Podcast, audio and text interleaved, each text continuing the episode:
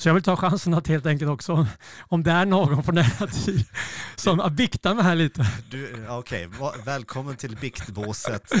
Eh, och jag är säker på att du är förlåten.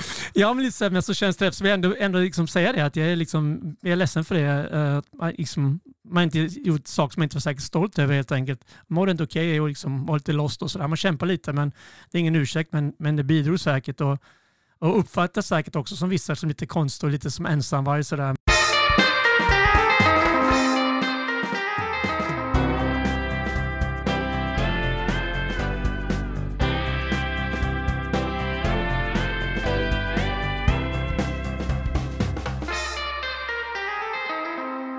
Hej och varmt välkommen till ett nytt härligt avsnitt av Hemvändarpodden en inspirerande, lärorik och underhållande podcast där vi träffar intressanta personer som gör eller har gjort något spännande som vi vill veta mer om. Den gemensamma nämnaren det är att personerna vi träffar har någon koppling till staden i våra hjärtan, Oskarshamn. Eh, jag heter Magnus Fransén och vid min sida har jag som alltid Stefan H. Lindén. Men eh, vid min sida kanske är lite missvisande idag för du är ju faktiskt med på länk Stefan. Du är, i, du är på Öland Byxelkrok eller hur har du det? Ja, men, ja precis. Hej Magnus. Jo, men jag är på Öland. Jag sitter i um, svärföräldrarnas uh, så här, sidohus, sidobyggnad till deras sommarhus här. Uh, bland cyklar och uh, arbetsmaskiner. Jag har byggt ett litet stativ här av sandpapp och ja, lite halvmolnigt idag, men det, det är liksom Öland är vackert som vanligt. Ja, men du är ju van med det här med provisoriska stativ när vi har suttit här tillsammans i OTs poddstudio, då har jag tejpat upp mitt stativ med silvertejp och eh, ett antal eh, nummer av Oskarshamnstidningen och du har, tror jag, använt dig av fyra pack A4-papper eh, och en bok. En blomvas. En blomvas och en bok, typ. Mm, vi måste köpa mixtativ låter det som. Ja, men har du en bra semester då? Ja, men det är underbart faktiskt. Det var lite regnigt igår, men det varit soligt ändå. Det är, det är bättre väder här än vad det är eh, hemma hos er har jag förstått det som. Ja, vi pratade om det här förut, att det är inte så här toppenväder direkt, men vad tusan. Det är ja, sommar. Det är som, sommar 2018, I don't know. Let's bring the guest in. Yes, det gör vi. Eh, dagens gäst är ju Thomas Högklint och han är ju en äkta hemvändare, eh, skulle jag vilja påstå. Eh, han har ju varit ute i världen i flera år och nu har han vänt hem. Eh, jag ska inte säga att, att vi är kompisar, men vi är väl bekanta. Eh, sen får man väl, eh, jag skulle gärna vara kompis med Thomas, för han känns som en sån här person man gärna vill hänga med.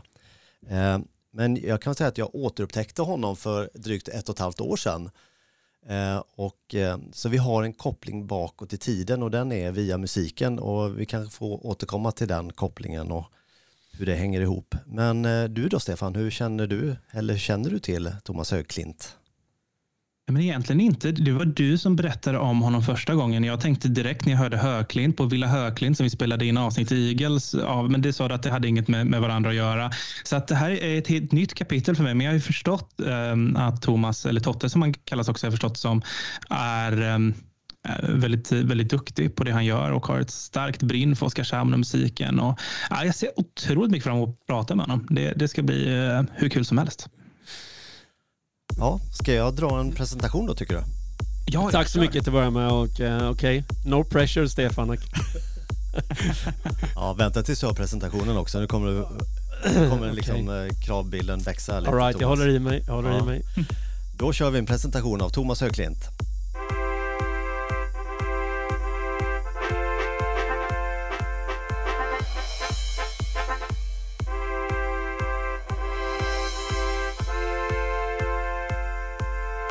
Han växte upp i en anrik företagarfamilj i Oskarshamn.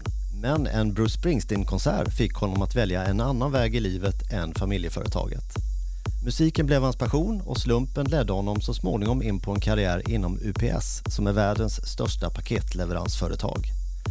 Därefter har yrkeskarriären gått vidare till nuvarande tjänsten som global VD för Direct Link, ett företag inom Postnordkoncernen. koncernen han har också starkt engagemang inom fotbollen och exempelvis har han uppdrag att utveckla FC Barcelonas akademiverksamhet i Sverige. Musiken har på allvar återvänt i Thomas liv med spelning på latitud tillsammans med ett band av riktiga supermusiker och dessutom ett nysläppt album precis i dagarna. Så här står det på hans eh, musikaliska hemsida. Musiken hjälpte honom bort från hemstad och barndomsstad, bort från leda och tristess, ut i världen, ut på livets resa, ut på stora strapatser. Musiken blev arbete, yrkesliv och måsten. Den civila karriären tog överhand och mynnade ut i en spektakulär yrkesresa runt jordklotet till New York, Köpenhamn, till Bryssel, till Singapore, till Barcelona. Världen blev hans hem. Men nu kan vi med glädje säga att Oskarshamn återigen är hans hem och därmed hälsar vi dig varmt välkommen till Hemvändarpodden Thomas Högklint. Oh, wow, tack så mycket. Wow, det låter det. Ja, men vi är färdiga då. tack så mycket, trevligt då. Ja, men vi fick med allt. Ja, men också, it's rap. Ja, det tror jag. Oj, ja, det var, det var inte dåligt. Um, ja, tack så mycket. Spännande och um, skräckblandad förtjusning att sitta.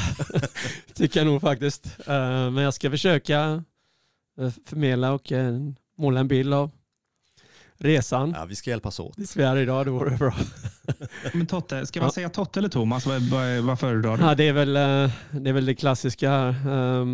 Det har alltid varit Totte hela vägen. Oskarshamn är väldigt mycket Totte. Mm. När någon säger Thomas, de sagt, då är det oftast om Ann eller min mamma sa Thomas så visste man att... Jag säger som Hasse sa för några veckor sedan. Ja. Då lyssnar man. Okej, vi, vi, vi, håller, vi vill ju vara med tjenis med dig så vi säger Totte nu då. Från det spelar absolut ingen roll för mig. Det spelar ingen roll för mig. Uh, och i Oskarshamn är det så är det, svår, det är svårt att komma undan något Totte här för mig. Men jag undrar, stämmer det verkligen att du har återvänt till Oskarshamn um, efter alla de här åren? Ja, det kan jag säga. Mentalt så är jag här redan är jag onekligen. Um, men vi, jag har fortfarande lite kvar. Jag brukar säga 60-40 är någonstans nu, men vi, det blir mer och mer. Så jag säger närmsta året är det ju um, snarare 80 procent här och fram, i juni nästa år är det 100 procent här. Vi har fortfarande vår yngsta son Elliot som har uh, ett år kvar uh, på sitt IB-program på skolan i Lund. Han är klar i juni. Så när han drar ut i världen så då drar vi inte ut i världen utan till Oskarshamn gör vi helt som på heltid då. Men just nu så är det så mycket tid som möjligt här i Oskarshamn. Beroende på äh, musik och, och jobb och ishockey och sådana saker. Men jag hänger mycket här så mycket jag kan. Härligt. Jag, jag, jag tänker vi kommer komma med till Ehm, flytten hem och den slutgiltiga då, sista procenten hem. Men eh, jag tänker det är alltid kul att börja från början. Och när man läser mellan raderna, ehm, när Magnus citerade där att liksom musiken hjälpte dig bort från hemstad, barndomsstad, bort från leda och tristess. Eh, det låter ju inte som du hade den peppigaste uppväxten i Oskarshamn. Eller hur, hur var den? Nej, det var den faktiskt inte. Eller den är tudelad. Och här vi börjar redan här egentligen. Det är frågan hur mycket man ska, mycket man ska gå loss på det här. Men jag har en väldigt eh, komplex egentligen eh, relation till Oskarshamn, måste jag säga. Um, ja, fantastiskt uppväxt på många sätt genom uh, föreningslivet, uh, fotboll, Oskarshamns AIK um, ehm, och um, musiken senare. Men det var ändå rätt, uh, jag skulle säga att det var rätt, uh, jämfört med många andra som, som kanske upplever det så, så kände inte jag jätte uh, trivdes inte jättebra faktiskt i Oskarshamn. Gjorde jag inte. När jag var yngre var man ingen, egentligen ingen uppfattning på det sättet för det är kompisar och det är sagt fotbollslaget och sådär. Men högstadiet var en, en, en kämpa jag mig igenom på något sätt um, och ville bort det tidigt från Oskarshamn. Jag vet inte vad det, jag kan, säga, jag kan sätta finger på egentligen vad det var som, som gjorde uh, att det blev så. Uh, Tror du att du liksom Eh, för det, jag kände ju likadant nämligen. Många som vi har pratat med här i podden känner ju likadant någonstans i tonåren när man vill bort. Det var, det var en vän en gång som sa till mig som flyttade hem till Oskarshamn som jag tycker var en otroligt fin liknelse. Det, det var som att man hade någonstans där i tidig tonår gör man slut med Oskarshamn och sen är man sur på sitt ex och, sen så, och som man då har gjort slut med. Och sen hinner det gå en 10-15 år och sen så kommer man på att nej, men vi hade ganska kul ihop så vi kan ju bli vänner i alla fall. Alltså lite sådär. Um, och jag tycker det är en fin liknelse. Det känns som att det finns någon slags vilja hos vissa människor att, att fly men många kommer hem. Det är en bra liknelse det där tycker jag. Så om, om jag ska försöka vara lite mer specifik då så i många år så var min, min, min farbror han var fantastisk och tillsammans med min bror de som betydde mest tillsammans med mamma förstås då, men hon jobbade väldigt mycket. Uh, som jag sa tidigare och uh, kanske inte skift med sig själv som min morfar gjorde i, i 50 år i princip. Men, men mamma jobbar väldigt mycket. Men saker och ting ändrar sig. Vi blir äldre. Min bror fick förstås för, och förstår mer en annan agenda utan att ha sin ihärdig lillebror med sig hela tiden. Um, och lika mycket som jag uppskattar ensamhet och tystnad nu och kanske bara umgås med några få vänner så hatade jag verkligen tystnad och vara ensam. Uh, och hela tiden väntan på något som barn, liksom ungdom och, och kämpade med att hantera det. Uh, det var någon i era poddar som sa att man i alla fall alltid varit schysst mot ja. andra genom uppväxten. Här var det. det var Hasse som sa Var det Hasse också? Ja. Mycket citat från Hasse. Men jag kan tyvärr inte känna helt så alla gånger. Eh, alltså att jag varit schysst hela vägen och, och speciellt under högstadietiden och det är lite segt att känna, känna så. Um, så så när jag, när jag blev när jag blev lite äldre, men fortfarande väldigt ung, alltså 16, 17 någonting och framåt så hamnade jag delvis, eller kanske valde fel sällskap och sammanhang som kanske inte, jag kanske inte ville eller mådde bra av. Um, men detta var sagt en flykt mer från ensamheten och tristessen och en del av sökandet och en jakt efter något som jag inte riktigt visste vad. Eh, och givetvis också en naturlig del av tonårstiden som alla går igenom. Men denna rastlöshet och jakt var en otroligt starkt, starkt inom mig. Så en kraft som jag senare kunnat konvertera till energi um, och bränsle som har hjälpt oerhört, men inte där och då. Så resultatet av detta blev att man många gånger gjorde saker som inte var schysst, varken mot andra eller mot en själv. Och det är inte liksom, så jag vill ta chansen att helt enkelt också bikta mig här lite. Okej, okay. välkommen till biktbåset. Eh, och jag är säker på att du är förlåten. Ja, men lite så, men så känns det eftersom jag ändå, ändå liksom säga det att jag är, liksom, jag är ledsen för det. Uh, liksom, man inte gjort saker som man inte var säkert stolt över helt enkelt. Mådde inte okej okay och liksom var lite lost och sådär. Man kämpar lite men det är ingen ursäkt men, men det bidrog säkert och, och uppfattas säkert också som vissa som lite konstigt och lite som ensamvarg sådär. Men efter denna period så, så ungefär som du sa Stefan, med den här, den här kärleken som olyckliga kärleken till Oskarshamn så, så höll jag mig borta länge från Oskarshamn, undvek Oskarshamn. Det kunde dröja flera år mellan besöken. Uh, och det konstiga var att när jag var tillbaka i Oskarshamn då kunde jag tillbringa många sena kvällar och nätter och bara köra bil runt till platser där jag kämpat, där jag inte var bra, något jobbigt hände för länge sedan och så vidare. Och detta var ett mönster som upprepade sig liksom många år. Um, och nu har jag förstått och har lärt mig, nu när jag äntligen är lite äldre och visare, att det berodde på, liksom, beteendet berodde på att man försöker liksom ställa saker ting till rätta eller läka sår på något sätt man bär med sig. Uh, och försöka tro att man kan ändra det förgångna på något sätt. Uh, eller i alla fall förstå det lite mer. Men det kan man förstås inte. Man, man kan inte ändra någonting. Det är bara att konstatera och hantera. Och, Sorry Magnus och Stefan att det kanske blir lite mörkt här men, men det, det är svaret på en enkel fråga egentligen. Men det, men det, det är så det känns och upplever det. Men det finns självklart sagt positiva landmärken som alla träningsanläggningar och replokaler. Jag spenderat massor tid med, med fantastiska människor som jag träffat. Och, Uh, där morfar bodde och åkte förbi Metodistkyrkan, ser kyrktornet som faktiskt morfars företag tillverkade det. Okay. Okay. så positivt landmärken och så här. Och man hoppas i framtiden i alla fall att man, att man, att man kommer liksom vara med involverad i lokalsammanhang och känna liksom tillhörighet här i, här i stan oavsett om det gäller alltså musik, näringsliv, politik, sport, hockey, golf, fotboll, socialt engagemang eller whatever. Liksom. Vara en del av någonting och kanske om man kan bidra med någonting så kan man det. Men vara en del av någonting, det kanske jag inte känner att jag var då i, i den tiden. Men framöver kan det säkert bli det hoppas jag.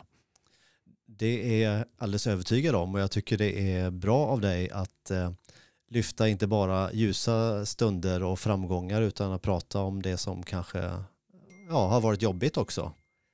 Eh, och eh, jag vill eh, höra den som inte kanske har saker man ångrar från sin ungdom och jag har många gånger också tänkt så här, tänk om man var, eh, hade samma kunskap och klokskap som man förhoppningsvis har idag om man hade det när man var ung. Men, men det hör ju till ungdomen. Det hör till, precis. precis. Man måste göra de här sakerna också. Men äh, jag, jag, jag har funderat lite på de där sakerna. och jag försöker. Ja, men du, du, har, du har biktat dig. Du är förlåten Totte. Okej, okay, så bra. Nu kan och, vi gå vidare. Och du är varmt välkommen till Oskarshamn. Okej, okay, vad bra då. Så, ja, vi kan gå vidare. Ska vi ta det bara som en liten, för den känns ju rätt viktig då. Din morfar som du sa, Helge Högklint, han är ju jag har sagt det, han är en av de här starka männen som på, haft stor inverkan på Oskarshamn. Det är ju han, det är Alf Josefsson, Burre Hellman, eh, vad vi med? BG. Och BG, Icke. eh, ja, Bror Göte Persson och Icke och, och så vidare. Men va, ja, vad kan du berätta, berätta om din morfar lite kort bara så de som inte känner till det här får en liten kontext. Ja, han är ju otrolig. Han är en, en, en, en hjälte på många sätt, i alla fall när det gäller att förverkliga, förverkliga sina, sina drömmar och sin väg. Han hittade sin väg sedan han var 13 år i princip, så började han ju företagarbiten eh, och, och byggde upp från plåtslagare eh, hela vägen eh, upp till han, till han gick bort egentligen 72 år gammal. Eller 73 var han precis eh, eh, när han gick bort. Men, så han jobbar ju jobbade sig fram och skapade någonting från början, någonting som han har passion för väldigt starkt. Eh, plåtslageri till eh, press och plåtindustri som, som, som många känner till här i Oskarshamn förstås. Och startade grovplåten uppe i VBS och, och eh, ett par andra företag som, som eh, betytt mycket för Oskarshamn. Eh, och han var väldigt stark, stark personlighet som gick in i sitt jobb. Eh, jobbet var hans liv, han var väldigt passionerad över det. Han identifierade sig med sin, sitt professionella tillvaro. Kanske inte alltid eh, var superstort hjärta men kanske inte alltid landade jättebra i alla familjebitar och så vidare för att företaget var prioritet många gånger faktiskt eh, för honom. Ehm, men väldigt färgstark så att egentligen alla alla våra eh, familjer, alltså hög, högtidsdagar, födelsedagar, jul, julafton och allting, det slutar ju alltid nästan med väldigt passionerade diskussioner om entreprenörskap och, och, och eh, industrin och så vidare. Eh, men han har betytt jättemycket för mig och han var på något sätt en väldigt eh, stark eh, förebild när det gäller hur man driver företag också. Vi kan komma tillbaka till det senare, gör vi väl antagligen, men Eh, just det att man inser att personalen är väldigt viktig och, och det är inte, liksom inte cheferna som är de viktigaste på ett företag utan det är de som utför själva jobbet som är företaget. Uh, uh. Han är self-made man. Han började som 13 år, visst var det så? Och sen, 13-åring, sen ja, hela fick, vägen. Och fick köpa det här företaget han jobbade på och så vidare. I princip det var så. Sen när, när i slutändan hoppade fram till 92 då så när, när affären blev klart med japanerna då, som nu är det ju Press Kugio då i slutändan. Uh, men uh, han, hela vägen in i kaklet om man säger så, det var ju precis efter de var klara med affären egentligen och sälja av saker och ting uh, till Japan så han lämnade in i princip några dagar efter så blev han liksom, åkte han in på sjuk och liksom, då hans kropp var färdig då. Ja. Helt enkelt. Så han, sen var han borta ett halvår senare. Men intressant ändå att du säger att det man kan ju lätt tänka att det är rätt så eh, ja, bekvämt eller bra på något vis att växa upp i en sån kontext. Men det är också att det fanns en baksida då, att eh, du fick en orimlig press på dig. Jag ska inte säga press, men, men, men många hade en, en, en uppfattning om det var att vara en högklint mm. i, i Oskarshamn. Som jag uppfattade som, ja, som negativ. Man säger så. Jag såg liksom inga fördelar på det sättet. För att många det är också så en, en sån, en sån uh, bit att tro att om man är egen företagare så ska man ha mycket gott ställt ekonomiskt och allting och det hade vi verkligen inte. Det var otroligt tufft uh, för oss och det morfar, morfar jobbade hårt och företaget gick helt okej okay och gick bra stundtals men men det var ju liksom inga utsvävningar där. Det, det, allt som gick in, gick, gick in i företaget igen. Uh, han köpte väl en båt morfar men det var väl liksom det han, han var väldigt uh, uh, spartansk och liksom, det var inget, uh, uh, det var inget vad ska man kalla det, överflöd där om man säger så. Och det var liksom alla skulle göra rätt för sig. Och jag, det, liksom, så att mamma fick jobba väldigt hårt som ensamstående med den biten. så att, jag vet inte, jag vet inte, jag tror att jag har haft min brors fotbollsskor, jeans, t-shirt, tröjor, cykel, fått överallt och sådär. Men, men folk trodde att vi hade jättemycket pengar och hade bra ekonomi när, när, vi, när vi växte upp. Uh, men så var det inte. Jag tänker att vi kastar oss liksom lite tillbaka till ungdomen och eh, musiken. Mm. Ja, nej, men jag, jag är ju väldigt nyfiken på, för jag har ju bara hört talas om nu att det var en Bruce Springsteen-konsert som eh, ja, på något vis hade en väldigt stor påverkan på dig. Stämmer det och vad, vad, kan du berätta vad hände på den här konserten? Ja, det, det gör det. Det gör det. Ehm, så vad jag gjorde då, jag gick ut nian eh, 7 juni 85 var. Fredagen den 7 juni eh, med bedrövliga betyg. Eh, jag tror jag hade 1,9 snitt och sånt där. Um, var, inget, var på en femgrad, femgradig skala. Jag var för mig, väl... ja, det var femgradig skala. För mig som är född på 80-talet, det var alltså 1 till 5 som var skalan. Precis, så det var, jag var så extremt skoltrött. Så, men sen samma dag så spelade Spring, dagen efter spelade Springsteen på Ullevi, 85 då. Uh, så vi åkte på fredagen redan Eh, till Göteborg eh, och faktiskt sprang in på Bruce, med Bruce på fredag, eftermiddag, fredagskvällen redan det första som hände när vi kom till Göteborg. Men det är en, det är en lite annan, annan story egentligen. Men vi såg Springs i alla fall, jag och min bror och våra kompisar i Göteborg där lördag, söndag. Och sen var det så liksom, jättebra tyckte vi, så vi, jag hoppade av skolan så jag började jobba sen på måndagen. Så vad blir det, måndagen den 10 juni, då börjar jag som 16-åring, nyss fyllda 16 år, då börjar jag jobba på industri då. Förvisso på press och plåt. Ja. Uh, efter att ha efter nian då. Så jag, då kunde jag jobba, så jag kunde tjäna lite pengar för första gången då. Och de pengarna la jag rent av till liksom resekassa med en gång. Och uh, då åkte vi till, någon, någon månad sen åkte vi till, till England, Peter och jag, utan några biljetter någonting. Men vi köpte biljett på svarta börsen i, i London. På gatorna där, dealade och wheelade. Och, eh, och, och så Bruce tre kvällar på Wembley. Uh, och sen åkte vi, åkte, åkte vi tåg upp till Leeds uh, också på den turnén och där, där liksom eh, plankade vi oss inom ett hål i ett staket där det stod någon Hells Angels-person och tog betalt med ett pund för alla som gick in staketet. och så, sen fick man springa in i en park, uh, en stor sluttning var det, jättestort fält man kunde springa ner mot koncernen som hade börjat då, precis när den här liksom killen började liksom ta, e-, liksom ta egna pengar in i det där hålet i staketet. Och så vakter kom och mötte oss i den här slänten, så det var som Svarte Petter ner i den här grässlänten. Vi sprang ner mot konsertområdet och de här vakterna skulle fånga de som sprang in där. Men det var ju inte en chans att fånga oss, vi bara, vi bara flög förbi där. Så, så vi såg de fyra sista på Europaturnén. På den turnén, som var Born, Born in the USA-turnén 1985, de sa fan vad bra det här, vi måste se dem en gång till om vi kan. Och då var det i sen september, oktober, då spelade han fyra kvällar i Los Angeles, eh, Bruce då, som var de sista fyra konserterna på en och en halv halvt års världsturné med Bruce. Och, och där var det ännu tuffare med svarta börsbiljetter, det fanns inga biljetter knappt. Det var otroligt tufft för oss att deala. Och, men vi lyckas då. En anekdot där också, att sista konserten var jättedyr att ta biljetter och vi liksom la alla våra pengar där på den konserten. Så vi hade ingenstans, vi bodde på flygplatsen i tre, fyra dagar efter, utan liksom en påse bullar och en, en dunk outspädd saft hade vi att dela på. för att vi la, la, la alla pengar på det. Men när vi såg den konserten i alla fall så var det så otroligt stark upplevelse. Och då sa vi det att vi kommer aldrig se någonting bättre igen, så vi måste börja spela musik själva.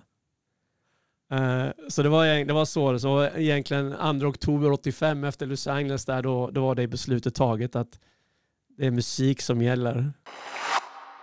I avsaknad liksom av närhet ibland till eh, kanske, eh, som man kallar det, vuxenguidance och förebilder på många sätt så har Bruce texter och så vidare och hans, hans sätt att kommunicera och prata har varit en otroligt viktig del för mig och influens på min, dels min, min, min politiska men då också som person och värderingar. Men den um, musikaliska inriktningen tar ju fart här efter, um, efter Springsteen och um, ja, men du sa det, guidance och hela den biten. Men liksom uh, fanns ens ES-programmet då? Du sa att du började jobba eller blev det någon musikutbildning eller något Nej, men jag, eller? jag började jobba. Jag jobbade då ju på, på företaget som var väldigt, var väldigt tufft då. Så kommer jag tro då att, att att eh, det var ju också en sån här grej att, att man tror att man skulle få, eh, inte, jag tror inte det, men nu pratar jag om utifrån, mm. att man skulle få en räkmacka in på, eh, på företaget då. Det, det, måste jag säga att det måste man ju ge, att jag hade en trygghet på det sättet då. Jag hade ju en liten fallskärm när jag hoppade av nian då, att jag hade kunnat få ett jobb i alla fall. Som 16-åring, precis nyss fyllda 16.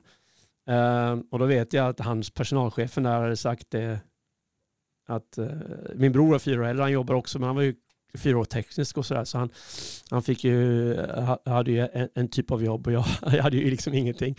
Så de tyckte det liksom att, att när personalchefen sa till morfar att ja, det är lite svårt, hur ska jag liksom sätta Totte, vad gör liksom, Då sa morfar bara, vadå? Ta på en overall och sätt den i sliprummet. det var liksom ingen, det var bara liksom att köra på hela från början där. Och sen vill jag till USA, som jag liksom, av, av förklarliga skäl och egentligen, alltså jag har sån otrolig hatkärlek till USA. Nu nästan är det är nästan så kärleken är borta. Ska, det är synd. Ja, ska jag säga. ja men det, det är lite sådär. Ja, det kulturlivet i USA är ju alltså fortfarande fascinerande. Alltså filmer, musik och hela den här biten är det ju. Men det finns mycket annat som är så uh, genomruttet där om jag, om jag ska vara ärlig. Men, um, men det finns många saker där så jag vill ju dit. Jag vill ju alltid älskat USA, New York och New Jersey och den här biten. Så jag ville plugga i USA, men då var det enkla svaret jag fick inte, kunde inte plugga där för att jag inte hade gymnasieutbildning. Mm. Jag var tvungen att ha svenskt gymnasium. Så då hade jag inget val. Så då var jag tvungen att, vägen dit var att plugga. Och då, då, äh, då hade de musikgymnasium i, i eh, Jönköping. Så jag flyttade till Jönköping skulle jag då. Gjorde jag. jag flyttade till Jönköping och skulle söka in där. Så jag bodde där ett tag med. Och då fick de musikgymnasiet i Oskarshamn. Och då tänkte jag kanske lätt att komma in i Oskarshamn. Och till att börja med, mina betyg var ju så jävla kassa som ni vet. och fast jag hade jobbat så hjälpte inte det. Man fick ju upp poäng, poäng lite där, men det var fortfarande för dåligt. Men som jag, som jag minns det så, så hade de nog ett par positioner som man kunde spela sin mer eller mindre, alltså audition helt enkelt. Så jag, alla fick ju spela, men jag tror att jag hade ju en, spelade ett par låtar där eh, framför Britt Melsén, Pierre Bugdé och Magnus Hasselgren och de här liksom. Och, eh, på något sätt så snubblade jag mig in där eh, sent fick jag reda på det.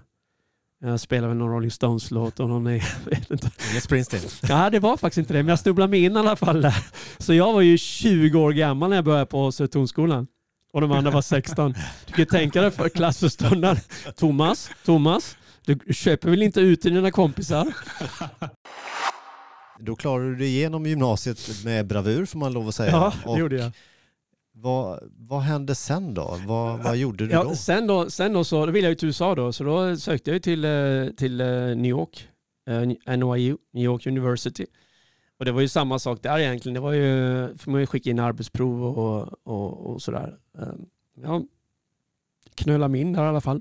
Så jag kom in i New York, åkte till New York med mina resväskor och mina gitarrer. Jätteglad i hågen. Um, um, och jag kommer in i ett område till, eller till universitetet där på Manhattan och går upp till min sån här counselor och säger typ här är jag. Och han tittar mig liksom, okej okay, han bara letar i papperna och bara liksom scrollar runt och shit, känner det här. Får ingen bra känsla. och sen Tom, we have a problem. Mm. det visade sig att, att de, det var, man inget boende för mig. De det har blivit något konstigt med ansökan här. Så det, liksom, det här campusboendet då, det är liksom det, det, det, fanns inte, så det blev lite struligt där. Lite spartanskt boende några dagar där också. Men det, jag är ju van med det sedan tidigare. Så att, eh, men det ordnade sig i alla fall, det löste sig. Uh, ja, så jag gick in där, jag delade rum i en, i en liten, liten tvåa med tre andra personer. Uh, på Union Square på Manhattan, mellan 14 och 16 gatan uh, på Manhattan. Och det var rätt, i den åldern leva där var ju fantastiskt. Mm. Ja. Ja. så det, det gjorde jag. Så jag trivs i New York fantastiskt. Men det vet ni, vi ska inte prata, det här är ingen resepodd, men jag kan prata om New York rätt länge också. Ja. ja, men New York vill man ju höra om. Vilket år är, är det här? 90, 93, 92, 93 någonstans där. Det. Var, det, var det ett år? The, the booming 90s. Ja, precis. precis det var, var något, precis var det här. Men då, då var det så att, då vill jag du vet, jag var ju så jävla, jag var fortfarande itchy som person och sådär. Så jag ville liksom spela in en skiva, jag, jag skulle skriva låtar, jag fick lite intressenter som var intresserade av det. Så jag ville, så jag ville spela in, det var ju kanske så här efteråt så, men det var också svårt ekonomiskt att vara i New York. Alltså jag åkte dit bara för att se hur länge kunde vara, alltså det var det är dyrt. Alltså, och det fanns ju inte så mycket pengar så det var ju begränsat på det sättet och jag var inte tillräckligt bra heller för att få stipendier och sådana saker.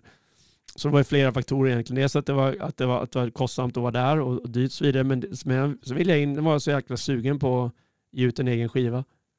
Um, så det vill jag göra. Men du vände hem sen då efter? Ja, hem till Sverige ja. uh, gjorde jag ju då och, och spelade in skivan och gav ut skivan. Den som där vår koppling kommer in. Ja, precis. Där kommer den här kopplingen som vi har pratat om i inledningen. Ja, det var på den tiden jag hade en skivaffär i Oskarshamn som heter Musikextasen och eh, Det var inte så vanligt att det var lokala artister som släppte skivor på den tiden. Men du var ju en av dem som kom in och ville promota din skiva. Du, hade ett eget, du fick ett eget ställ eh, Totte på, på min eh, kassadisk där och en egen liten kassa också vill jag minnas. Fantastiskt. Du var väldigt gentil här var var, Ja. Jag uppskattade det väldigt mycket gjorde jag. Ja. Att, att det var, att Ja, de- men vad- berätta om den där tiden och hur gick det med skivförsäljningen? Nej men alltså, alltså det är ju det, det är tufft och det är egentligen eh, igen, mm, försöka hålla det så kort som möjligt så att um, jag spelade in skivan och det gick ju ändå förhållandevis bra. Jag fick, jag fick typ tre plus i Aftonbladet som var stor grej. Jag hade dubbla, eh, dubbeluppslag i Kvällsposten Expressen. Han Olle Berggren som är en av de största, eh, viktigaste kritikerna med tiden, gjorde ett reportage om mig och sådär. Så jag fick ändå rätt bra mottagande på, på, på skivan och sådär. Men det, det var ju tufft att livnära på att spela sin egen musik. Var det ju. Alltså, skri, alltså skriva liksom egna, egna låtar och så vidare. Så att vad som hände, den korta varianten är egentligen att, att man börjar spela mer och mer egen musik och sen går det mer och mer över till, till, till coververksamhet. Och sen blir det att man skalar ner bandet mer och mer. Mm. Till slut så är man, är man ju, spelar mycket själv. Ja, för då blev det mer som ett, det här ska du leva av. Ja precis, det gjorde jag ju då. Ja. Och det gjorde jag ju då, de här, det gjorde jag då i fyra, fem år. Gjorde jag, levde jag ju på musik och det gick ju bra på den biten. För jag spelade ju mycket, mycket trubadur själv. Jag åkte runt på stadshotellet, på, på kryssningar, på såna semesterorter. Och eh, Emma Telstar som var den största bokaren då. Bokade, så jag, hade bra jobb för sig själv. Kunde tjäna helt okej med pengar. Men vad som hände var ju då att man, hela tillvaron är ju, är ju, är ju upp och ner. För man har ju inget socialt umgänge. Man, liksom, jobbar ju onsdag till lördag.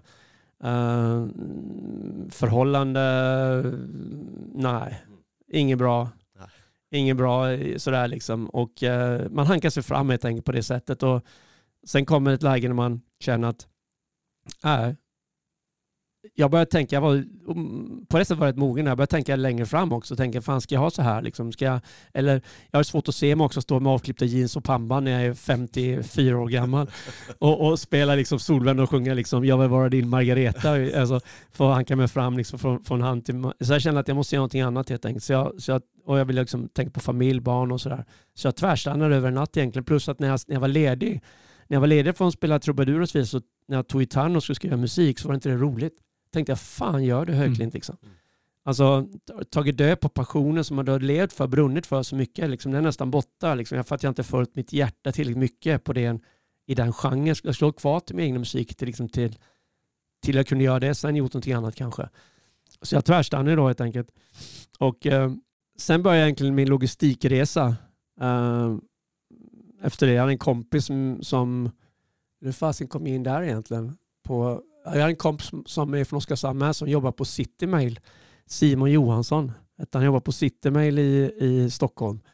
Och han sa till mig, jag mötte honom någon gång och sa, sa det är liksom inte riktigt hur jag ska göra så här. Lite, lite, så här, lite halvlost igen var jag då. Och så berättade han det här, Citymail är bra för att man, de är ett ungt företag, det är Bror Anders Månsson och Malcolm Hamilton som, som, som har Citymail utmanat till Postnord eller Posten. Och där har man chansen att liksom kunna ta sig fram. Man kan bli manager, man kan få utbildning. Aha, okej, okay, alright. Det kanske är någonting för mig då. Så jag sökte, ringde upp dem och sa tjena, hej, jag är Thomas Höglind, sen lalala, får jag komma upp på intervju med, så fick jag dit och sen blev jag intervjuad. Och så blev jag brevbärare. Så jag var brevbärare på, på Citymail i Stockholm. Jag cyklade runt och delade ut, delade ut post. Då. så, men det första jag gjorde var ju att fila en ansökan då om, om traineeprogrammet. Det gjorde jag ju med en gång. Jag gjorde en sån här kometkarriär egentligen på ett par år där. Så var jag, var jag chef för den personen som anställde mig. Han som var min chef. Både han som anställde och han som, som var min chef när jag var brevbärare. Jag var hans chef. Så jag, liksom, jag, jag gick så upp ett par steg där på ett par år. gick väldigt snabbt gjorde det. Uh, för de insåg väl att de hade en, att göra med en, med en galen person som... för jag tyckte det var väldigt... Komma från den här, den här flummiga då, den lite musik, musikbranschen då, där det är väldigt svårt och, och eh, det är väldigt subjektivt. Alltså, det, alltså du kan ju... Uh, det är svårt att ta sig fram helt enkelt. Det är mycket kontakter, lite flyt och sådana saker. Som, som, visst är man jätteduktig så... Och jag var inte tillräckligt bra säkert heller. Men om man går i, i, på privata sidan och näringslivet så är det väldigt konkret egentligen. Alltså gör resultat och får nå grejer så, så funkar det. Så gör du ett bra jobb. Det är liksom svart, stopp svart på vitt. Det är inte på samma sätt där. Så att det var ju jag tyckte det var väldigt enkelt på det sättet. Det var väldigt konkret. Så jag fick ju, jag fick ju problem. Liksom, att komma ihåg att ett av mina första jobb var att ta över det, det City Mail-kontoret då, var platschef på, på, i Vasastan i Stockholm för typ 25 stycken brevbärare. De hade en personalomsättning på 150 procent när jag kom in där. Alltså det var, de bytte ut en och en halv liksom, personalstyrka per år. Så, men jag gick in och fick ordning på det här och, och sådär. Så att, eh, det gjorde jag och sen uh, gjorde jag en, en, en, omstrukturering. Du vet, att efteråt tycker jag var helt galen. Jag ringde till han Malcolm Hamilton då, som var en, av ägarna och sa till honom, jag har en idé här. Vi borde strukturera om hela Citymail. Jag tycker vi ska halvera chefstyrkan. Vi tar bort eh, hälften av alla chefer i företaget. och det inkluderar då inkluderar mig själv då, alltså den, den, roll, den nivån jag själv var på. Men jag har inga, inga, inga betänkligheter. Jag satte ihop en prestation, jag åkte in till kontoret, jag hade träffat han och bara satt och sa så här tycker jag ni ska göra. Det här är liksom mycket bättre att jobba på det här sättet. Och han tittade på mig bara så liksom, alltså, intressant, men de, de, de gjorde faktiskt det. Jag var inte superpopulär hos mina, mina medarbetare. Jag tänkte just säga det. Dina kollegor kan inte varit jättenöjda med dig. Vad fasken håller du på med Höklind? Liksom. Men vi gjorde det, de genomförde den och jag, liksom, jag blev kvar och, och sådär. Så att, ja, jag var på Citymail i två och ett halvt år. Jag inflika en grej här, för det, det, låter som att du kommer från en musikalisk resa med utbildning där du har liksom varit self-made inom musiken, kastade in som brevbärare och helt plötsligt så, så upptäcks det att du har liksom företagsledarskapet i dig. Hur upptäckte du det och liksom vad var det som gjorde att du gick fram så fort tror du? Ja, men jag, tror att, jag tror att det är dels eh, tror jag att det, det egentligen var liksom för en stund sedan vi började egentligen att, att jag från början har lärt mig, alltså, in, in, det, låter, alltså det är en ter terminologi egentligen mer än en, en, en, en, en um, bokstavligt då, en, alltså en överlevnadsstrategi på något sätt.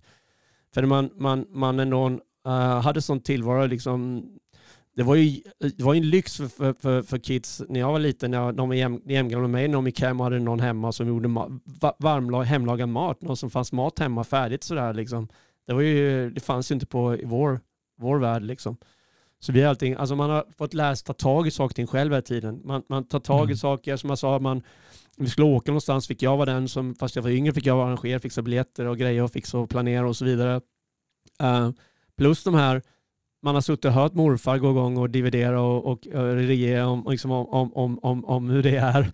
Plus de här, eh, då var så ung i de här åren på press och plåt då. När jag såg, alltså jag såg också att folk, saker och ting inte fungerar på press och plåt. Jag såg mellanchefer som inte skötte sig, hur de hanterade sina anställda. Jag fick höra allt, all, all skit, alltså, alltså rättfärdigt ibland och inte rättfärdigt ibland från de anställda på press och. Vad de tyckte om både min familj och ledarskapet. Jag fick göra helt osensurerat. Så jag fick otroligt mycket material och förstå hur det fungerar i en organisation uh, och ta de diskussionerna och förstå att, igen, att, att, att, att, att ett, ett företag definieras av personalen som jobbar där och alla på något sätt ska få chansen att utveckla, förbättra eh, och göra misstag och så vidare. Och jag tror liksom, min, min, det här är lite naivt kanske, men om man ska göra, eh, eh, generalisera lite så säga så här, befolkningen ser kanske 10% som har, behöver extra hjälp. Du har 10% som är kanske överintelligenta som är jobbiga att göra med. Men en stor procent av, av, av de anställda är ju ändå, eller av, av befolkningen så, är ändå eh, handlar mycket om attityd, passion, intresse, motivation man klarar av ett arbete. För de flesta jobben är ju inte speciellt svåra. Men det är miljön som skapar det, hur, hur bra man gör dem helt enkelt. Mm. Um, och så att jag tror att ja, de bitarna är viktiga. Sen gick ju i alla fall karriären vidare då till UPS. Mm. Um, hur gick det till? Och, och, jag tänker lite med utgångspunkt från det du sa nyss då att um, det här är ju ett jätteföretag och så kommer du här då som har gjort raket karriär med egentligen ingen formell utbildning och sådär. Ja, men berätta. Ja, det, var ju, det var en jättestor grej. Så jag blev ju tillfrågad att ansöka om det där och då fick jag ju liksom, det blev, blev en riktig process blev det Jag var massa intervjuer, jag fick en massa tester och grejer och sådär och träffade en psykolog och det var ju hela, du vet, amerikanerna är galna alltså på sådana här bitar. Och, eh, och, äh, men, ja,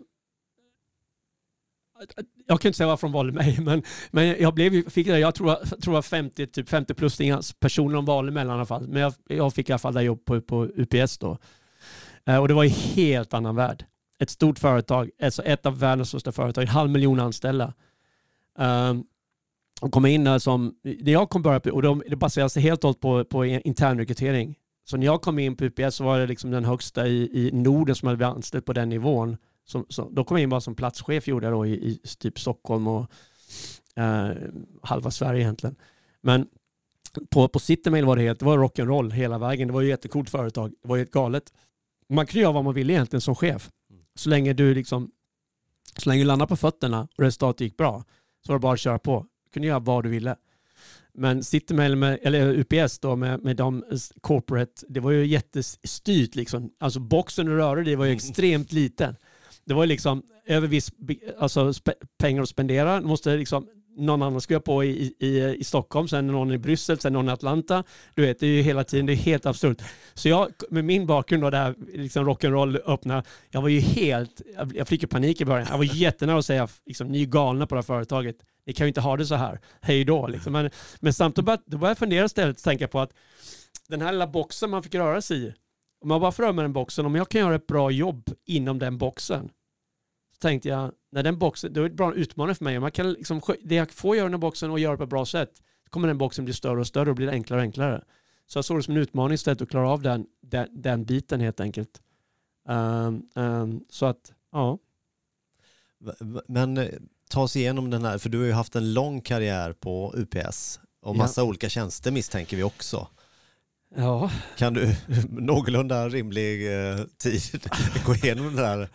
Vad, är det du har gjort för någonting? Vad, vad jag har ju varit, eh, det är ett av de största då, logistikföretagen.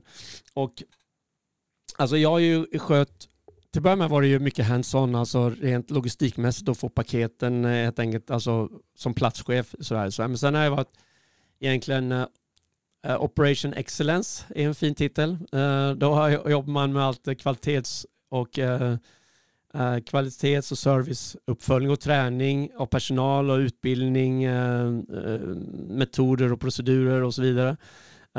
och det är egentligen en del av IE, Industrial Engineering-biten. och där har jag egentligen spelat mest biten, alltså Operation Excellence och IE är det jag gjort mest. Och där man, man egentligen planerar hela verksamheten i minsta detalj, kostnader, Eh, Eh, servicen, eh, ja, allt, allt från flygplanstider till hur många personer man ska anställa, vad det ska kosta, var man ska finnas någonstans, hur paketet ska flyga runt om på, liksom, med, olika UPS-kontor. Ja, allt väldigt stor, övergripande måste jag faktiskt säga. Så att jag gick ju från, eh, från Stockholm då, så fick jag ansvar för Sverige, hela Sverige, sen fick jag Finland, sen fick jag Norge och sen fick jag Danmark, då flyttade vi till Köpenhamn. Uh, var i Norden-biten och sen väl där så, så okej. Ehm, okay. Um, det var ju första steget vi gjorde som fyllde och flyttade dit. Sen var det då Bryssel, i Europakontoret var i Bryssel. Sen blev det Bryssel för oss och då var man ansvarig att jobba mot uh, först Östeuropa och sen blev det hela Europa, sen Mellanöstern och Afrika, så EMIA då, Europe, Middle East and Africa. Jobbade mot där Och för Bryssel var i sex år i Bryssel var vi. Um, och sen uh, ville vi jättegärna gå till Asien. Varför inte? och sen, nej men och sådär, så att, ja, men det är, det är, jag är otroligt fascinerad och tycker det är otroligt kul att jobba med, med andra nationaliteter helt enkelt. Det är, det är sån otrolig skillnad på om man ska kommunicera och jobba och mentaliteten att jobba med, med ryssar eller spanjorer eller nigerian eller en uh, tysk eller amerikan eller en grek. Alltså det är otroligt olika hur du jobbar med dem och hur du kommunicerar med dem. Det är ju eh, liksom extremt stor skillnad. Och sen dagen efter det så ni kom till Asien så, så, så um, är det ännu mer, alltså då var det samma sak egentligen. Så man jobbar väldigt nära regionen och länderna.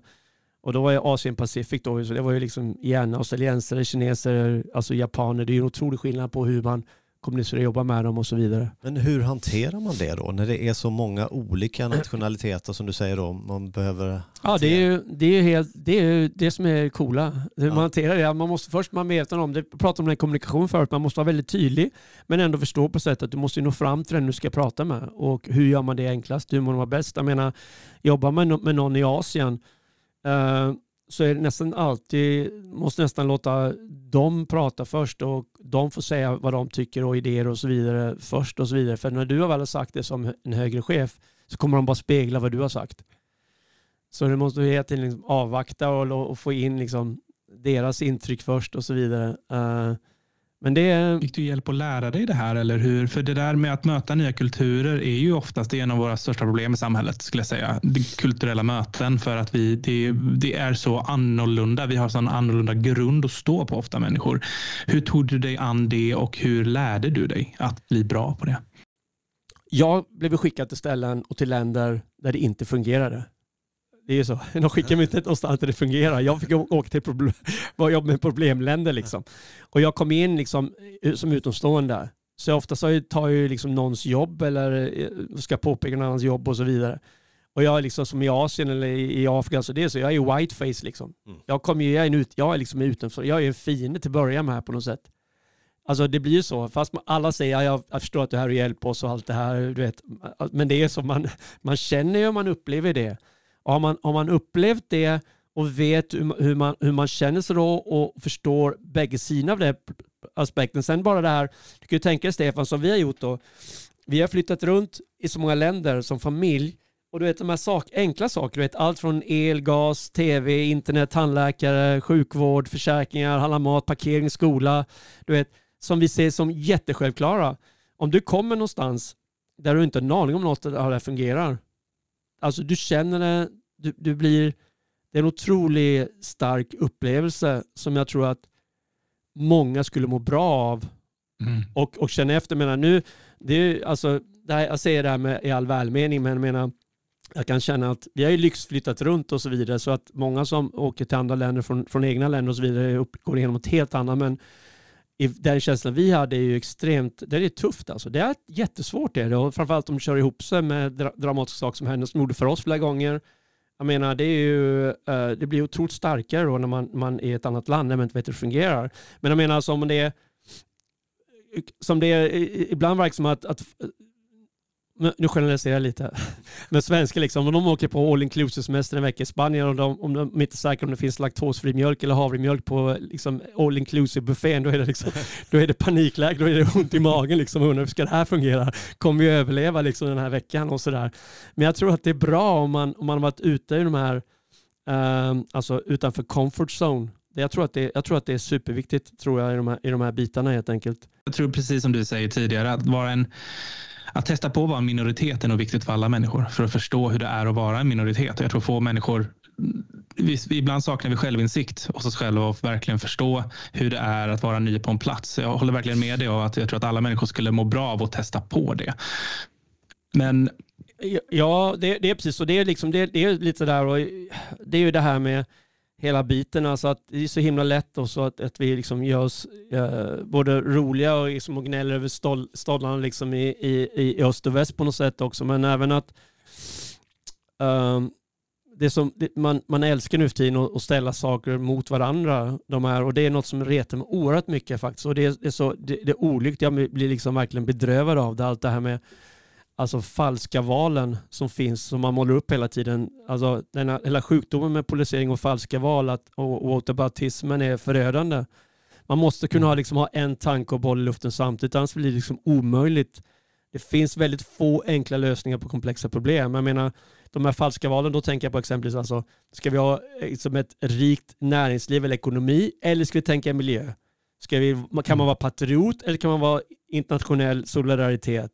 Alltså, ska man ha fungerande samhälle eller ska allting bara rasa samman om man hjälper liksom, personer som behöver hjälp? Ska man liksom kommunala skolor eller bra skolor? Det är en massa falska val. Man, man måste kunna, det behöver inte vara hela tiden vänster eller höger på de här bitarna. Liksom. Och man måste kunna se på vad är syftet med saker och ting. Och jag tycker att här är just den här biten vi kommer, med Oskarshamn som jag tycker är viktig, som var vi kommer ifrån, alla tre av oss, är ju det att alltså musik, kultur, sport, är superviktigt för det, det tar bort alla gränser.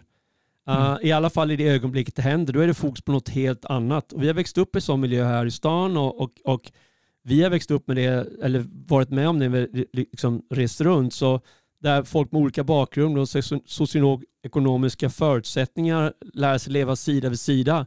Och det tar ner den här rädslan, osäkerheten, okunskap, fördomar om andra och så vidare.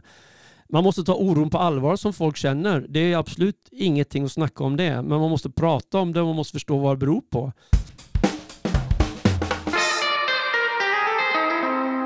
Du lämnade ju ändå så småningom UPS och hamnade där du är idag på Global Link. Mm. Det måste du berätta mer om. Ja, det var lite...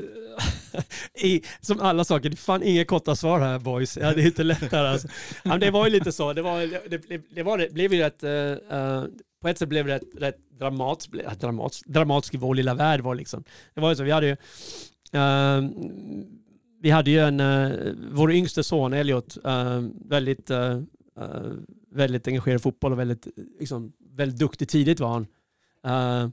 så att vi, han spelade fotboll i Belgien redan gjorde han och Belgien var jätte, jättecoolt i Belgien där. Där, där har de väldigt bra ungdomssatsningar med, med att de klubbarna, de bästa tränarna i klubbarna är egentligen ähm, är i ungdomsleden. Där sätter de de bästa tränarna och sen för att, för att det är där utbildning sker. Och äh, han, han var duktig fotboll där. Vi kom till, kom till Singapore. Då hade Barcelona börjat en akademi där. Kom in på Barcelona-spåret lite med. Mm. Då hade de akademi i Singapore. Hade de Barca Academy där. Och Elot var där och liksom det gick, alltså, han, han, gjorde ett starkt intryck tidigt på dem där. Så de frågade efter ett halvår, okej, okay, vi, vi, liksom, vi kan ha en, en tryout här på, på eh, La Masia. Bara, nej, men vi, är flytt, vi, kom igen, vi är, vi är i Singapore nu liksom, så att vi är in, nej, inte läge för det. men vi fortsatte vara där på akademin där och, och eh, samtidigt kände vi med Singapore, det var, Singapore är ju som Disneyland för vuxna liksom. Det är ju ett otroligt ställe att bo på. Det är helt sjukt ställe att bo på i Singapore. Uh, det bodde jättefint allting. Jag, du vet, jag har min karriär och var liksom top of the top. Är du med liksom? Alltså det var verkligen sådär. Så det var nästan, blev nästan lite, uh, jag ska inte säga tråkigt, det var ju fantastiskt på alla sätt. Men liksom, man, man måste lite, kommer kanske svenska Oskarshamn igen, man vill ha lite motstånd nästan. Det måste vara lite, lite uppförsbacke sådär. Liksom, så här, vad fan ska det vara så här? Man, man tjänar bra, man bor bra, det är perfekt väder hela tiden. Singapore ligger på ekvatorn på, så liksom det är samma temperatur året runt, dygnet runt. Wow. Det är mellan 27 och 31 grader. Liksom, det spelar ingen roll om det är, och solen går upp, liksom skiljer mellan kvart i sju eller kvart i sju på morgonen och den går ner kvart i sju eller kvart i sju på kvällen. Så det är 12 timmar precis alltid. Och det är året runt samma väder. Det är helt absurt. Ja, det är, det är, och, och, hur som helst. Eh, så det var så här, kände man så här. Och så kom där Barcelona upp igen och frågade kan ni liksom intresserade av att eh, komma till Barcelona då, och, och, och liksom låta Elliot träna där liksom. Och vi älskar Barcelona sedan länge liksom och fotbollsintresserade och sådär. Så jag tänkte vad fan, ah, vi måste ta en sväng. Vi liksom gör Så jag gick in, kanske lite naivt då. Jag, jag var ju liksom påläggskarp på UPS fortfarande. Då. Jag var ju liksom, ja, jag låg, jag, låg, jag låg rätt bra till i hierarkin sådär liksom överhuvudtaget. Och så sa jag att eh, fundera på att åka till, till Barcelona. De tyckte, alltså det var ju helt amerikanskt företag. De pratade family first och allt det här men jävlar alltså. Det var, det var, det var som att droppa en, en, en nål, liksom. eller vad säger man? Knapp när man droppar på golvet. Man kan höra en nål droppa ja. på golvet. Det blev en himla konstig stämning som aldrig blev riktigt bra efter det. okay. Men vi, vi stod, vi stod, det var så ungefär så att okej, okay, men vi, då är det som det är med allting. Bla bla, du vet, det var ju liksom, det var ju, var ju som att vända, det var liksom kalla handen. Mm. Det var liksom, okej, okay, vad är det som det är? Men vi, stod, vi tänkte, vad fan, kom igen, vi lever en gång, liksom, det är kul. Liksom. Jag har varit på UPS i ett, rätt många år. Sådär, så att, uh, men vi flyttade, uh, så vi flyttade till Barcelona tack vare fotbollen då. Till, till vi, och då flyttade vi på egen hand. Gjorde vi dit och liksom på den biten. Eh, jag var fortfarande anställd på på UPS då. Eh, och när jag kom tillbaka till Europa fick jag ju liksom, ja, Europa var rätt välkommen tillbaka till UPS, men det var ju fortfarande, det var ju, jag var ju liksom rökt, men jag, jag, det var ett beslut jag tog, så jag visste det. Så jag började kolla mig för efter andra jobb helt enkelt.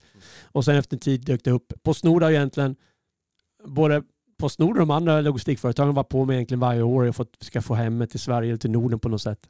Och jag har alltid sagt nej, nej, nej, nej, nej hela tiden. Antalet intresserade. Och det här är ju liksom en del, uh, Direct Link är ju en del som ägs av Postnord, men det är ett fristående företag som är internationella, internationella verksamheten. Så jag kan tyvärr inte hjälpa dig Magnus med en paket som försvinner. Okej. Okay. det var ju en följdfråga där. Ja. ja, precis. Nej, och så var det som perfekt kombination, för då kunde jag liksom också bli, skulle det vara kul att driva ett företag. Och då, det, det, så jag kan driva det här företaget Direct Link då, som finns liksom i hela världen. Då. Eh, så och fick jag den chansen, möjligheten. Jag ville jobba kvar internationellt, men jag vill ändå ha flexibiliteten och jobba från där jag behövde jobba ifrån. Um, och jag vill liksom driva ett företag, så det var check, check, check på den egentligen. Um, så då började jag.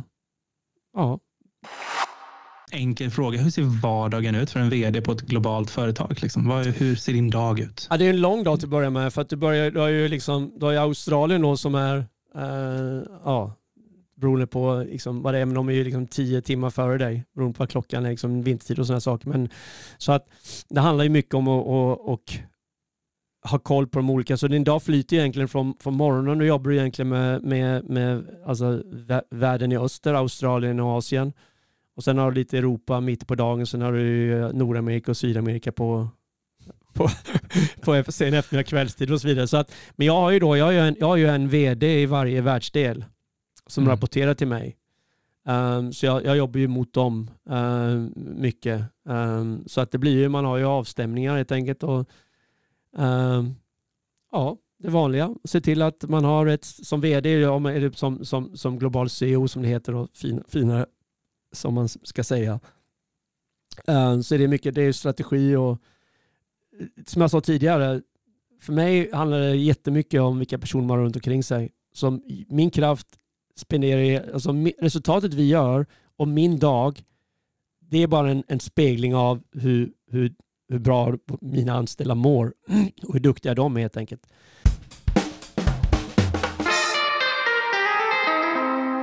Vi vill självklart tacka en del viktiga partner som vi har. Framförallt så skulle vi säga ett stort tack till eh, ja, vår första samarbete och det är Oskarshamn Energi. En riktig eh, lokal eh, viktig spelare lokalpatrioter, precis som Stefan och jag är. Det känns jättebra. Eh, vi ska också tacka Oskarshamnstidningen som upplåter sin eh, fina poddstudio till oss. Eh, Cornelia Höglind som har tagit de snygga fotona på mig och Stefan. Det är sannerligen ingen lätt uppgift att få till det snyggt. Eh, Molly Minot och Adam Dimker som har gjort eh, intro och jingla till oss. Och sen då Anders Ekblad som eh, har den eh, delikata uppgiften att klippa ihop allt det här som vi sitter och pratar om. Och om du har tips eh, om eh, framtida gäster eller folk ni tycker ska vara med i Användarpodden eller bara vill ställa en fråga så når ni oss bäst på, på vårt Instagramkonto, Hemvandarpodden. Eh, men också via Instagram och sociala medier där både jag och Magnus är lätta att få tag på. Men nu är jag ju galet nyfiken på det här med Barca och fotbollsakademin som vi var inne och vände på du är också aktiv på ett sätt inom Barcelonas fotbollsakademier. På vilket sätt och vad, vad är planerna framåt? För ja, Berätta. Ja, det är så. så vi vi blev i kontakt, kom kontakt med dem för tio år sedan första gången. Uh, och sen har vi uh, varit involverade i det. Och vi, vi tycker om Barcas filosofi generellt. Med att värderingarna kring klubben och att det är, det är en ägar, ägar uh, eller medlemsägd klubb. Uh, mm. det är, uh, men det, sen är det ett stall här som nu med ekonomi för att det är korrupt. Det är så. Det är, det är, det är, som motsatsen. Igen, man måste ha två tankar i luften. Att, att två tankar samtidigt. Att visst, det är bra med vissa saker, men då kan det också bli korrupt som det har varit där i Barcelona och så vidare. Men då kan man tänka sig, okej, okay, är det genomförandeproblemet eller det som är problemet? Idén är bra, men kanske genomförandet är dåligt. Ibland blandar man ihop de sakerna. Det är samma sak här. Idén kanske är bra, men ja, ni förstår. Uh, mm. ja, men värderingarna hur de har, som det här med att, det här med att alltså, Eh, Eh, allting inkluderande respekt mot motståndardomare. Menar, eh, hur man, många saker, uh, hur, man, hur man jobbar med, med barnen. Att de, det, är viktigt, att man utvecklar personen och spelaren uh, och utbildar spelarna. För det är, det är för att om man har bra, man slipper mycket problem på vägen om man, man vill skapa bra uh, medmänniskor helt enkelt. Uh, och, och vad säger man, international citizens vill man skapa samt som bra fotbollsspelare. Fotbollsspelare är bara en liten del av det. Det är därför man man går med akademin där, att man får liksom lämna in skolbetyg, man pratar om skola, man pratar om hygien, man pratar om liksom, sådana här saker, ordning i omklädningsrum. Eh, alla de här bitarna är superviktiga och det är cool, alltså det är, det är häftiga värderingar så att vi känner länge att vi vill ha med, det, låta fler personer ta vara på det och vi tror på deras filosofi mycket. Så vi kollade tidigt att om vi kunde starta upp det här i, i, i, i Sverige då, eh, Barca Academy. Eh, men då var det ju Patrik Andersson, den gamla storspelaren. Det var han som hade partner, partnerkontraktet med Barcelona. Och jag sa liksom, men det händer inte så mycket så till Barcelona. så vi, vi kan, nej men vi måste, vi måste sådär, okej, okay, ja, så gick något år igen och så sa jag, okej, okay, men vad händer? Ja, men det är Patrik har det, det är han som har det, okej. Okay. För det är så, det är också en grej som är, eh, de är rätt lojala mot gamla spelare och sådär. Och Um, och så jag försöker kontakta Patrik och sådär och sa sådär, kan jag kan vara med och hjälpa till? Ni kan, du kan vara ansvarig fortfarande, men jag kan hjälpa till att driva det och så vidare. Men ah, vi, ska, vi ska nog börja lite mer och sådär. Men så gick det något halvår så sket han i så han orkade inte med längre och kände att det var någon som knackade på ett tiden. Så att, så att Barca hörde av sig till mig och sa att nu har Patrik sagt att han, eh, han liksom ger upp det nu. Så nu kan, om du är intresserad kan ni, kan ni börja köra det. Så nu, vad vi gör nu helt enkelt, eh, vi bygger upp och kör kamper då när vi har, alltså det är fotbollsläger helt enkelt som det heter. Uh, till att börja med. Vi får se i, i framtiden om man kan ha, eh, Barca vill förstås att vi ska ha eh, akademi som går hela tiden året runt. Uh, men vi har liksom, vi får se hur vi kan, om vi ska göra och hur det skulle gå till. Men just nu har vi då uh, fotbollsläger i, i, i um, Barca Academy Sverige då, som vi, Sweden som det heter, hemsidan då, att Uh, där det kom upp tränare från Barcelona, från akademin helt enkelt, kommer upp hit till Sverige och, och, och kör träningen. Så du kör igenom en Barca-vecka fotbollsmässigt. Uh, precis som det är på akademin här nere. Samma övningar, samma filosofi som de kör nere i Barcelona kommer de upp och gör här. Uh, men det, det, är inte som många andra akademier som finns här, att det är bara någon franchising eller att det är någon som har varit vaktmästare på Camp Nou för hundra år sedan eller någon som har bott i Barcelona som du vet sådär, köpt en träningsjacka på La Rambla eller någonting som kommer och åker runt och säger att han, det här är, det här, det här är, liksom the, real, det här är the real thing. The liksom. real ja det är det faktiskt. Mm. Det är rakt av. Så, att, ja, så det är jättekul. Och de är jättenöjda med det vi har gjort i år och började förra året. Så att, eh, ja, de vill köra vidare och, och satsa ännu mer på det. Så det, det, det är jättekul. Men du, men du har ett fotbollsbrinnande hjärta liksom? Absolut. Jag, jag, jag ser, mm. jag ser ohälsosamt mycket på fotboll kan jag säga det. och det, och, men tror du det kan och, bli en uh-huh. camp i Oskarshamn? En Barca-camp? Ja, det är, min, det är faktiskt min... Eh, vi letar lite världsklubbar och sådär. Som vi. Absolut, jag måste få hit Barcelona till Oskarshamn. Det är självklart att jag måste, att jag måste det. Men än så länge har vi inte... Ja, jag får väl kolla med, med AIK, IFK, Rössle. KBK finns inte längre eller? Nej, jag får se hur vi kan göra någonting. Kanske, kanske kan göra något gemensamt med klubbarna kanske. Jag vet inte. Vi får se. Jag inte, men jag, det absolut vore jättekul att få dem till Oskarshamn. Självklart. Jag tänker nu då att eh, vi börjar närma oss eh, pudens kärna. Eh, vi heter ju inte Hemvändarpodden för intet utan eh, du är ju en, eh, på väg att bli en riktig hemvändare. När börjar de här tankarna komma då eh, att du skulle vända hemåt igen? Ja, det är också en komplex fråga. Liksom.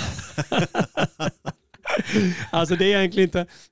Det är flera saker som spelar roll. Dels det här med att vi kom tillbaka till Barcelona. Vi var i Barcelona. Sen liksom började det också... Uh, ja, började, ja, det är många...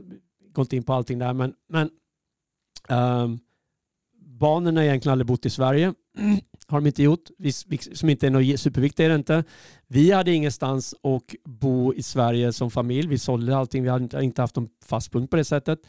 Uh, uh, min mamma gick bort för några år sedan. Uh, hon eh, hade ett, ett, hus som vi varit med, varit med och skapat på Musikö som, som, jätte, som, sådär, som trivs jättebra i. Mamma gick bort och liksom, det var det var, var tillgängligt det huset för oss. Uh, och vi älskar liksom, vi har bott i storstäder nu uh, många år och så vidare. Uh, Eh, viss massaker, viss relation till, till Oskarshamn, men natur, närhet till naturen. Uh, och tillfällighet egentligen att det blev så på det sättet alltså faktiskt. Uh, men jag känner ju också att det varit rätt på många sätt. Framförallt närhet till naturen har jag saknat jättemycket. Uh, och den till havet är ju otroligt viktigt för mig är det faktiskt. Och sen är det så, man, det är konstigt att man, man, man drar sig tillbaka på något sätt till sina gamla, sina gamla. Men det är, det är praktiskt också. Är det. det är otroligt praktiskt. Jag skulle aldrig bo i Stockholm igen exempelvis. Av ren logistik. Jag skulle, om någon kastade en femma på Strandvägen till mig, jag skulle inte jag skulle låta andra bo som behöver bo där kanske. Alltså ge en till en annan som kan bo Men jag skulle aldrig bo där. Man fick betalt att bo där. Jag skulle inte bo där, inte en sekund. Alltså. Skulle inte det. För att, alltså, närheten till naturen, logistikmässigt, mycket ställtid. Det är mycket otroligt tid du förlorar så fort du ska göra någonting mot in Oskarshamn där lilla och så vidare. Så att, ja, det är praktiskt helt enkelt och vi är färdiga. Vi vill ha det som bas helt enkelt Oskarshamn. Och det är, det är skönt också med gamla vänner och det är trygghet och det är, det är så. Det är, det är också enkelt. Man blir äldre, man, man, man känner folk som fixar, man känner en bra snickare, man känner liksom Johnny och Boysen, man känner liksom bra elkille och man känner liksom... Alltså det är så, man, man, man, får, man, man har ett, ett, ett nätverk omkring sig då där man, Där man eh, med folk som, liksom, det, det blir enklare, tillvaron blir enklare helt enkelt också.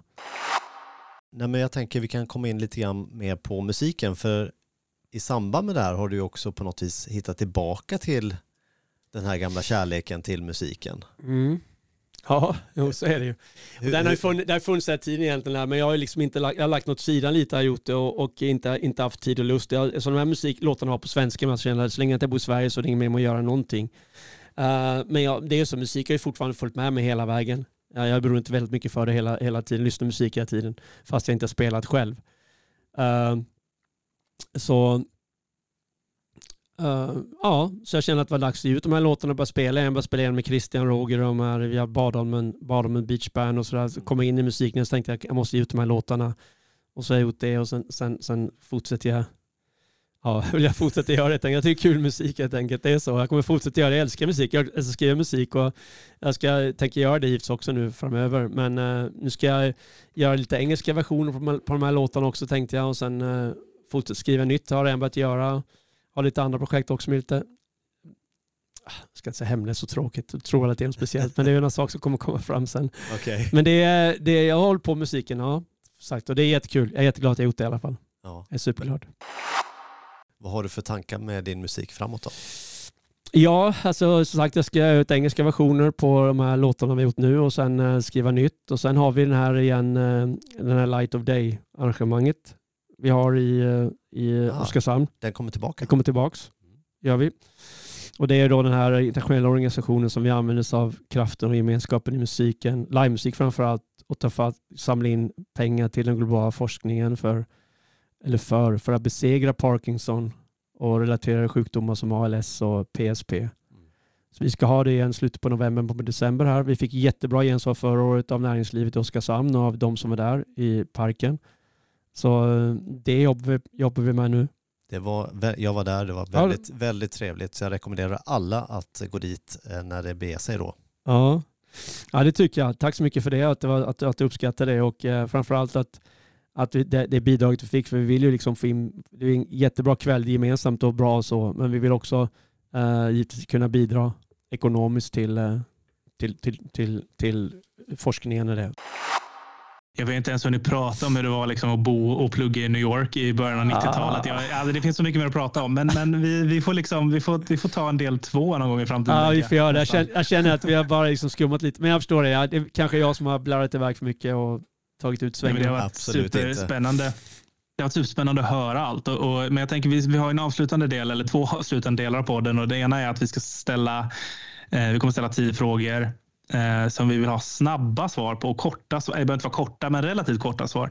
Eh, så liksom, inte tänka så mycket utan vara snabb och spontan. Liksom. Okej, tjena. Så, vi försöker i alla fall. Ja, Men, men då, är du redo? ja okej, jag är redo. Um, vad är det bästa du vet? Det bästa jag vet? Mm. Eh, ha tid som man kan förfoga över på ett bästa sätt. Tid är det viktigaste vi har. Framgång är att spendera tid på det man vill och är motiverad av och liksom göra och så vidare. Livet är måndag till fredag. Semester och helger kommer igenom i alla fall på något sätt. Eh, Så tid är liksom, och jag säger alltid Gud förbjude, om jag skulle trilla upp in imorgon så ska det vara okej. Det är inte länge man lever utan man gör, vad, gör med det. Så tid, tid är bra. Tid är det bästa som finns. Bra svar tycker jag. Um, vad är det värsta du vet? Ja, det har vi pratat om tycker jag. Eh, Jag tycker det här med alltså polariseringen, det här med falska val, uh, utarmningen av, av, av våra gemensamma pengar till privata intressen och så vidare. Det är otroligt. Och framförallt skolan, demokrati är en skolfråga. Uh, skolfrågan är en demokratifråga. Väldigt, eh, ja. Jag stannar där. Skolan, ja, men skolan är ju verkligen det vi vi har ju också bara berört ytan på den. Det känns som att det också en, verkligen ett djupare samtal finns där. Men, eh, men vi går vidare ändå. Och, och, ehm, vad motiverar dig eh, kreativt, spirituellt och känslomässigt? Vad som motiverar mig? Nej, men det är väl eh, det som, det, som, det som berör, det som griper tag i mig helt enkelt. Det som känns, det som är på riktigt. Skulle jag vilja säga. Om du inte jobbade med det du jobbar med idag, vad skulle du jobba med då? Uh, jag vet inte vad jag jobbar med, men jag förstår du menar. Log att du menar logistikbiten. ja, jag, skulle nog, jag vet faktiskt inte vad jag skulle göra. Visst skulle jag drömma så skulle jag antingen vara alltså, väldigt, etablerad, väldigt etablerad rockstjärna eller etablerad kanske fotbollsproffs om man ska liksom, göra någonting. Eller kanske man kanske skulle vara, om man var på något sätt eh, statsminister, kanske man skulle vara statsminister i det här läget kanske också. Om man bara ska säga så. Men annars, jag, jag kan säga att jag, jag, jag, jag kan inte säga annat, som att säga vanligt jobb om man säger så, kan jag inte säga. Det känner att jag det hade jag kunnat välja i så fall på något sätt. Ja, du har min röst om du, om du är running for... for Okej, okay, tack så mycket. Det vet jag säga. Men um, vilket jobb skulle du absolut inte vilja ha? Om vi vänder på det. Uh, statsminister. I dagens läge. Nej, jag bara skojar. Uh, jag vet inte, jag tror att det är väldigt, väldigt otacksamt många gånger. Samtidigt att det är väldigt, uh, men det blir samma sak där egentligen. De här, det är otacksamt att vara, tror jag, vara, vara, vara, uh, vara lärare i dagens, dagens man, får mycket, man får mycket spott och spe. Man har inte superbra betalt, man har förväntningar på sig och inte förutsättningar. Så att jag tror att det är väldigt tufft att vara det. Um, det går även för kanske sjukvårdspersonal och så vidare. Det, hela den biten. Alltså det är otroligt otacksamt man ser på den perspektivet. Fast man får mycket kickback från, från de man tar hand om eller kanske elever och så vidare. Men det, det är väl så. Annars har jag respekt för liksom alla, sina, alla jobb har sina upp och ner sidor helt enkelt. Vad är du mest stolt över i, i ditt liv? Ja, jag tror att det varit att eh, jag faktiskt fått eh, har min, min, familj och eh, fått det någorlunda att fungera faktiskt. Eh, får man nog säga. Det får, får bli det, får bli det kanske tråkiga sak, eh, svaret, men det är inte helt lätt i dagens att få en familj att fungera under många år och hålla ihop samma familj och så vidare. Jag, jag är stolt över det. Det är inte lätt alla gånger. Det är gung och karuseller. Det är, men jag, ja, det är jag stolt över. men det är ett fint svar tycker jag också. Jag tänker att de sista tre, det är liksom förpliktiga Magnus att dra dem eh, som tradition här. Eh, så Magnus, Sista tre frågorna får du. Yes, tack för det Stefan. Eh, ja, men då går vi över till eh, mer Oskarshamnsfokus då. Vilken är din favoritplats i Oskarshamn? Favoritplats i Oskarshamn? Ja, uh, ja det får väl bli det får bli kanske någon man, man har rumlat runt eller varit ute i Oskarshamn en sommar, sommarkväll och natt och man går hem någonstans längs ham, hamnen någonstans och fåglarna skriker och man går hem i soluppgång och man går där och på något sätt mor på morgonkvisten. Ja, och sådär. Det skulle jag säga, oavsett var någonstans, men vid, vid havet på något sätt skulle jag säga. Ja. Ja. ja. bra. Vi har alla gjort den promenaden tror ja, jag. jag tror det. Eh, vad är ditt vackraste Oskarshamnsminne? Oj. Fasken, där borde jag ju där borde jag nästan förberett. Uh, ja, det vet jag fasken. Vackraste Oskarshamnsminne. Ja, ett av dem kanske är just den här spelningen du hade. Ja, det, men det känns, det känns så liksom. Det känns så. Men det är klart, det är många upplevelser, det är så. Men det är, det är, det är något sånt där tillfälle när man, när man sitter med, alltså när man är med kompisar eller man spelar så en spelning, spelmusikbit säkert. Uh, ja, det får, det får nog bli något gig här någonstans. Absolut. Uh, och nu ska du hjälpa mig i mitt jobb då. Uh, vad tror du Oskarshamn skulle göra för att bli en ännu bättre plats? Vad är det vi ska utveckla? Jag pratade med dig förut lite om idrotten och musik, kulturbiten tror jag är superviktigt. Sen är kommunikation och Stefan, nu kan ju fundera på det som du pratar om att åka hit och jobba på distans och så vidare. Det är ju en sak, är ju kommunikationen. Den är helt jävla bedrövlig om man ska hit faktiskt. Och där borde, där borde vi jobba hårdare tycker jag. Jag förstår att det är långsiktigt tyg, eller långsiktigt projekt, men det finns ju jättebra kommunikationer söderut med tågen, Öresundstågen som går jättebra hela vägen till Köpenhamns flygplats. De går upp till Kalmar och går till Växjö. Och då har snabbtåg till Göteborg, Stockholm och liksom man kommer till Nässjö och så vidare. Ehm, men det är ju så, det är en avkrok det är en svart, svart fläck helt enkelt, så ett helsike. Så en, en, en tåglinje som knyter ihop med Växjö eller med Kalmar vore ju väldigt viktigt om man ska kunna ha folk som, som bor här och jobbar med andra saker och vill pendla på smidigt sätt. Det är, det är segt att ta sig till Oskarshamn eh, om man inte mm. kör bil. Mm. Ja, jag håller med. Jag, har, jag, hela, jag tror en hel skådespelar eh, ensemble från Eagles bevittnade det i flera år när vi spelade in tv-serien här nere. Att det, var liksom, det, var, det jobbigaste var att åka till och från. Eh, att vara här var underbart tyckte alla. Men det, det, det där, det, jag och min fru pratar ofta om det också. Liksom, tänk om det ändå hade funnits en tåglinje. Ja. Och det känns, känns supernaturligt. Det ska finnas en tåglinje hela vägen. Alltså det känns så verkligen. Kalmar, Oskarshamn, Västervik, Norrköping. Det känns ju som givet på något sätt. Mm. Och det har säkert funnits någon gång i tiden kan jag tänka mig. Men det, jag tror att vi måste ha det. Om vi ska ha chans över tid så måste det finnas. Punkt. Infrastrukturen är superviktig. Jag delar helt den bilden. Vi, Eh, vi, om vi inte ska köra Hasses taktik då, lura in folk och samla och staka, sta, skapa trafikstockning. Ja, just det. Så de stannar Ja. precis. Ja, vi får se. Vi väljer mellan de två. Vi, vi, Ja. vi får se. Och nu då eh, ska vår enväldige domare förklara eh, reglerna då för den här quizen som jag vet att du har haft lite ångest för Totte. Ah, fy tusan, jag vet inte. Kan jag gå nu Ja. eller är vi färdiga? Nej, nej, men doma, doma, Nej, inte- riktigt domare Lindén, kan du gå igenom förutsättningarna här nu då? Ja, men självfallet. Och det, det låter ju som att du är bekant med vad du ska få genomlida nu. Då. Det är ju ett quiz eh, som avgör hur mycket Oskarshamnare du är. Och det är ju fem stycken frågor där den första frågan ger ett poäng. Eh, andra frågan ger två poäng. Eh, upp, så, upp till och med fem frågor. Du kan få totalt 15 poäng. Får du under fem poäng så är du underkänd. Får du eh, liksom sex poäng eh, då, då är det en Oskarshamnare med potential. 10 poäng är du en äkta Oskarshamnare och eh, ja, det som ingen lyckats med än det är ju att bli kvalificerad för att bli tolvskillingsgeneral och det är full pott då. Förra veckan var vi nära på att få en, eh, få en full pottare här men eh, jag tänker att det är, det är dags för dig nu att, att ta tolvskillingsgeneralspositionen. positionen. Ja, precis. Tjena. Det är, jag, jag har liksom inte den ambitionen, men det, shoot. Ja, det var bra fall att du sa att noll poäng, att, att man inte blir körd till kommungränsen då och doppar i kärr och fjädrar. Det är väl ungefär. Jag får se, jag kanske blir av med mitt pass till Oskarshamn, jag vet inte. Jag ska säga nu att, att. Totte nervöst fipplar med liksom papper och pennor och allt som finns här på skrivbordet nu. Men nu, nu kör vi, nu Ja. river vi av plåstret. Okej, kör på. Kör Magnus. Yes. Eh, fråga nummer ett. Det här blir lätt Totte. Vad heter IK Oskarshamns supporterförening? Ah, Blue Front Support, kom igen. Ja, men vad skönt. Det var skönt, tack så mycket. Tack för frågan. Ja, men det måste jag, det är fantastiskt. Vi gör ett fantastiskt jobb. Hela gänget där med Per Sandbergs då, som är lite, lite ansikte ut, så här, men de är jätteduktiga och gör en jätteviktig del. Så uppskattar Jag jag. håller med. En Underbart. viktig, en viktig del av upplevelsen. Snacka om passion, underbart. Passion, attityd, gött. Okej, fråga nummer två. Vad heter den 16 mil långa vandringsled som startar vid Lilla Hycklinge? Lilla Hycklinge, ja det måste ju vara Oskustleden. Ja, men visst, det är ju rätt. wow. Ja det är ju schysst. Ja, Ja. Okej, fråga nummer tre. Vad hette Döderhultan egentligen? Uh, Axel Pettersson. Ja, men det är ju rätt. Oh.